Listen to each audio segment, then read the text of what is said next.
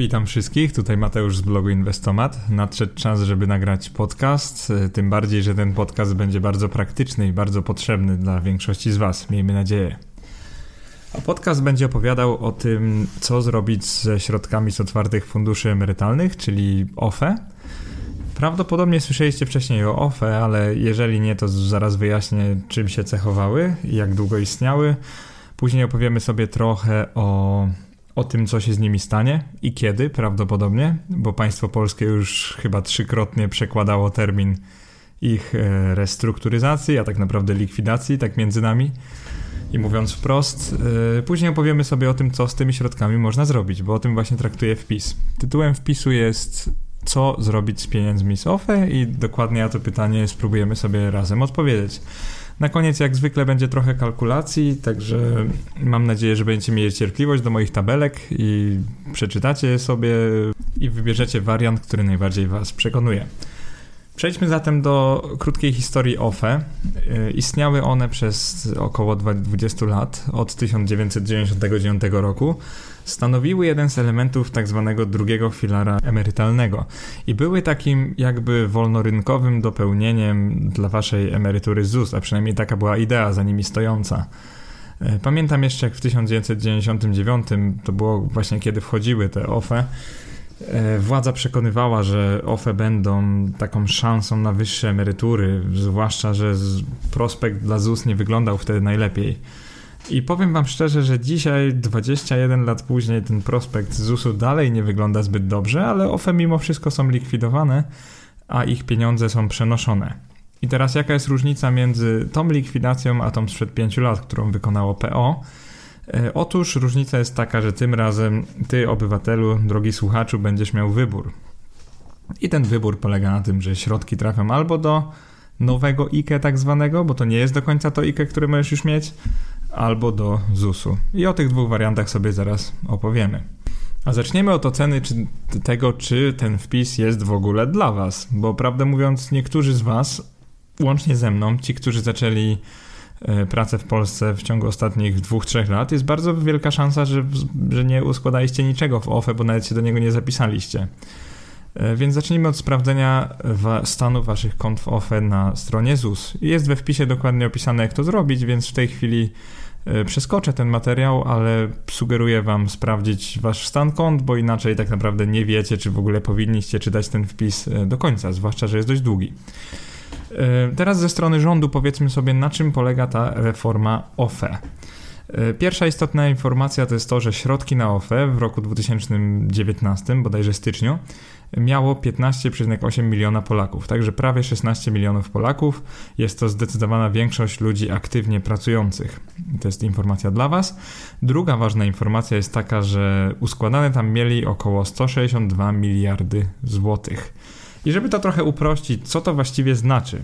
Otóż znaczy to, że przeciętny obywatel, który posiadał OFE, miał, ma na nim uskładane 10 tysięcy złotych. Pytanie, czy to jest duża kwota, czy mała. Jeżeli sobie wyobrazicie, że to by miało być 10 tysięcy złotych w momencie przejścia na emeryturę i wtedy podzielicie to przez średnią oczekiwaną długość życia, to jest bodajże 208 miesięcy dla mężczyzn w wieku 65 lat, jest to wtedy bardzo mała kwota. Ale pamiętajcie o tym, że jeżeli macie uzbierane 10 tysięcy złotych w młodszym wieku, powiedzmy mając teraz 35 lub 40 lat, oznacza to, że przez długie, długie lata ta kwota jeszcze będzie waloryzowana albo będzie procentowana dla Was. W jaki sposób opowiem już zaraz.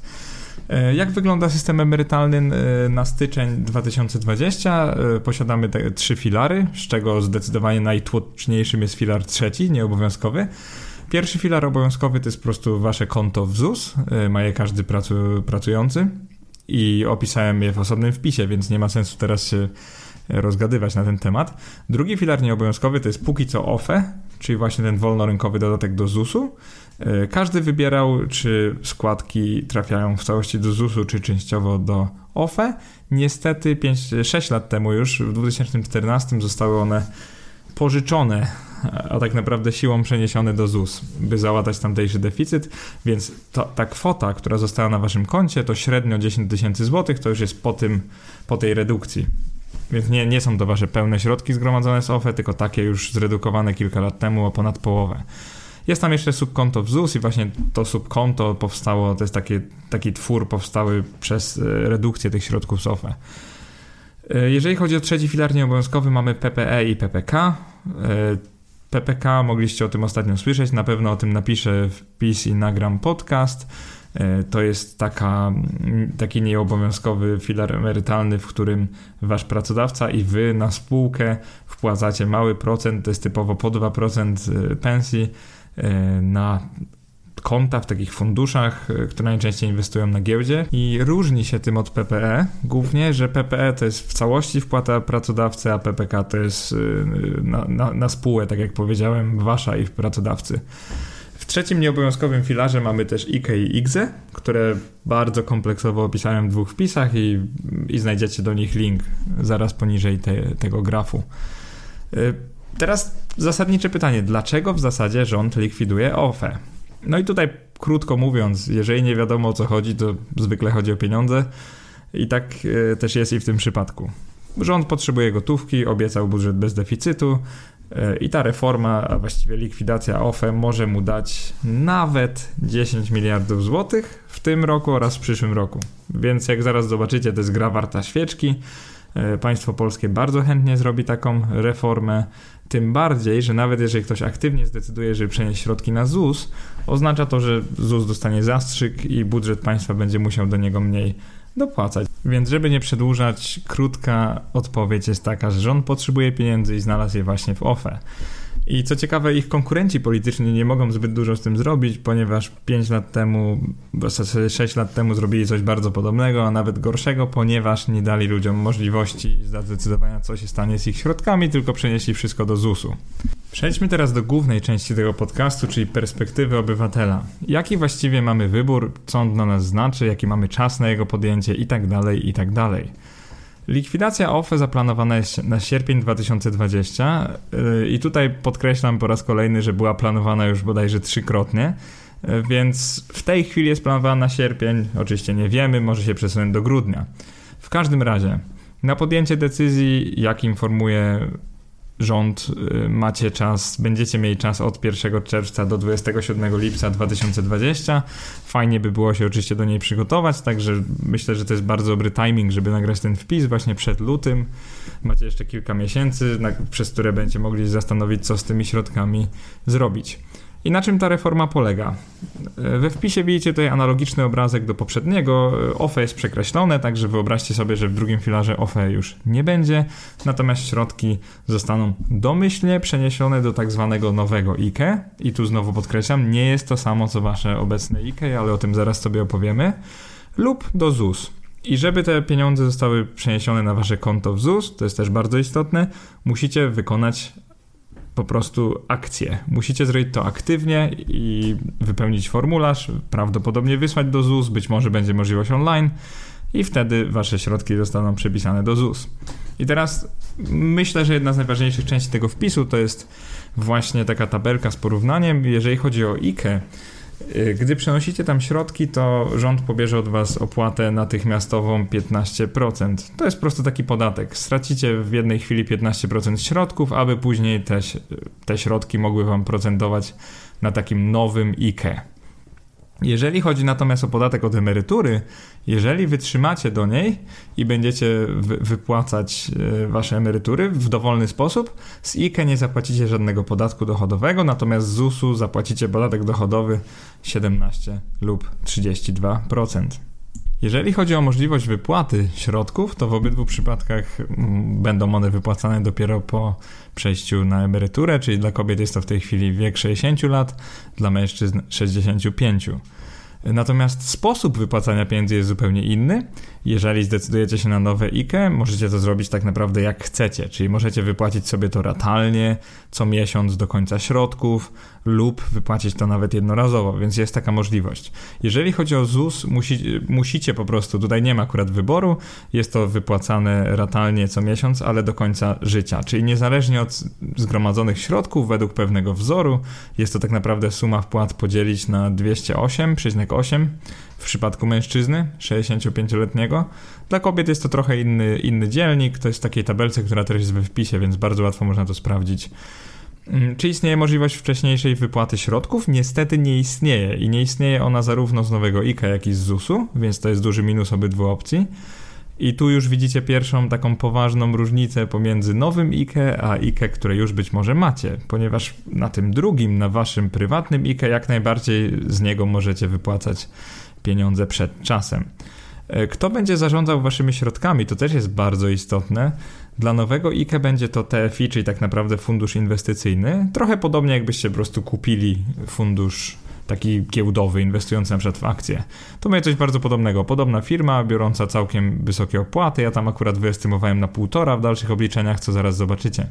Jeżeli chodzi o ZUS, to ciężko powiedzieć o jakimś zarządzaniu, natomiast musiałem napisać, że zarządza nimi ZUS ponieważ nie w ten sposób ZUS działa. To jest raczej teoretyczny wpis, waloryzowany tak zwaną kwotą stopy co roku. O tym też zobaczycie zaraz. E, czy środki są dziedziczone? To jest bardzo istotny punkt. Na nowym IKE jak najbardziej. Czyli jeżeli w momencie waszej śmierci będą na tych kontach jakieś pieniądze, to znaczy, że będą one dziedziczone przez waszych potomnych. Jeżeli chodzi o ZUS natomiast, niezależnie od tego, jak długo wasza emerytura będzie trwać, czyli po prostu czy całość tej waszej kwoty uzbieranej na, na koncie w ZUS wypłacicie, czy nie, te pieniądze stają się państwowe w momencie waszej śmierci. Czyli to jest trochę taka gra, że jeżeli będziecie żyli długo, to wy zyskujecie, jeżeli będziecie żyli krótko, to zyskuje państwo. No ale co zrobić? Tak już to działa. E, teraz króciutko o opcji pierwszej, czyli przeniesieniu środków do ZUS. E, przede wszystkim jest to opcja aktywna, tak jak mówiłem, czyli żeby jej dokonać, musicie złożyć wniosek w czerwcu tego roku. To jest pierwsza taka ważna różnica.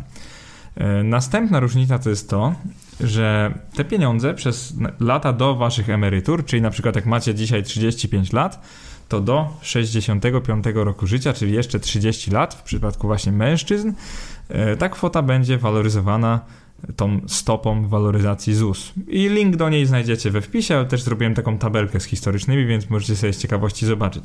Co ciekawe, wynosi ona średnio 6,62% brutto rocznie, to jest dość, dość sporo, e, bo indeks giełdowy WIG warszawski w ciągu 20 lat e, przynosi 9,6% brutto, czyli jak zobaczycie, te, te, te, oprocentowania wcale nie są takie różne. Minusem tej stopy waloryzacji jest to, że waloryzuje ona wasze pieniądze w sposób teoretyczny, czyli to jest, to jest tylko zapis księgowy, a jest ona ustalana przez tak naprawdę wzrost płac oraz inflację. Czyli wyobraźcie sobie, że płace pędzą, ZUS wtedy po prostu co roku, rok do roku musi podwyższać te uzbierane pieniądze, żeby emeryci nie głodowali. Jeżeli chodzi o opcję drugą natomiast, czyli przeniesienie do nowego IKE, to jest opcja domyślna, czyli jeżeli nic nie zrobicie od czerwca do sierpnia tego roku, to utworzą wam takie właśnie nowe IKE albo drugie IKE. Drugie w przypadku jak już macie jedno, nowe IKE, jeżeli żadnego nie macie. I teraz jaka jest tutaj, jaki jest największy problem tej właśnie alternatywy? To jest to, że przy przenosinach zapłacicie Państwu 15% obecnej wartości. No i wyobraźcie sobie, że od razu tracicie 15% i teraz te środki procentują 10 lat. No i nie wiem, czy czytaliście wpis o procencie składanym, ale jeżeli tak, to wiecie, jak ten kapitał początkowy, jaką dużą, jaki duży ma wpływ tak naprawdę na kwotę końcową, co też zobaczycie zaraz w tabelkach. E, jeżeli chodzi o stopę zwrotu takiego nowego IKE, bardzo trudno mi jest ją oszacować. Mógłbym oczywiście teraz posłużyć się stopami zwrotu z OFE, które są bardzo różne. Mógłbym posłużyć się indeksem WIG. Ja zdecydowałem zrobić się coś pomiędzy, tak naprawdę, i zrobić to jeszcze w taki bardziej, powiedzmy, trwany sposób. Czyli wziąłem indeks WIG, czyli stopy zwrotu akcji w ciągu ostatnich 20 lat Wziąłem stopy zwrotu z obligacji skarbowych naszego państwa, bo to jest dość e, w sposób taki otwarty powiedziane, że na tym nowym IKE z czasem te fundusze będą inwestować waszymi pieniędzmi w następujący sposób. Na początku będą to prawie same akcje, jak jesteście młodzi, w wieku 25-30 lat, no i z czasem będzie dokładane coraz więcej obligacji. Więc tak naprawdę bezpiecznie jest estymować coś pomiędzy akcjami a obligacjami. Tu mi wyszło akurat, że stopa zwrotu z akcji 9,6%, taka średnioroczna, z obligacji jest to 4,5% w ciągu ostatnich lat. Wyszło mi z tego, że jeżeli zmieszamy portfel w proporcji 50 do 50, będzie to około 7%. Minus prowizja TFI to jest tak średnio 1,5%, tyle rocznie bierze od Was y, fundusz za zarządzanie środkami. No i tutaj wyszła taka magiczna liczba 5,56%. Niestety jest ona troszkę niższa niż ta liczba ZUS-owska, ale zaraz zobaczycie, że dla ZUS-u przygotowałem dwa warianty, optymistyczny i pesymistyczny, a ponadto ta stopa 5,56 to już jest stopa netto, ponieważ na IKE, wedle ustawy i wedle zasad IKE, nie płacicie podatku tego giełdowego, podatku belki. Czyli niezależnie od waszych tam zysków, wypłacając pieniądze już z IKE po emeryturze, na emeryturze w zasadzie nie zapłacicie żadnego podatku. To jest taki duży plus. Czyli inicjalnie płacicie 15%, ale później nie płacicie nic. I teraz zobaczycie cztery warianty we wpisie. Ja bardzo króciutko je opiszę, bo tak naprawdę warto to przeczytać. To są cztery warianty dla 35-letniego mężczyzny, który w trzech przypadkach uzbierał na swoim OFE 10 tysięcy złotych, a w jednym trochę więcej, czyli aż 20 tysięcy złotych. Przeanalizujemy cztery scenariusze. Jeden to będzie optymistyczny dla ZUS przy tej średniej stopie waloryzacji składek 6,62. Drugi będzie przy nieco niższej stopie 4,5%. Wtedy też ZUS, ta opcja z ZUS-em będzie dużo mniej opłacalna. E, później trzeci wariant to będzie znowu optymistyczny dla ZUS, ale z wstrzymaniem wypłat z IKE do 70, czyli będzie taki cierpliwy inwestor, który czeka jeszcze parę lat więcej, e, żeby dostawać tych wpłat, e, żeby dostawać ich trochę więcej, trochę dłużej, a także zachować dla potomnych.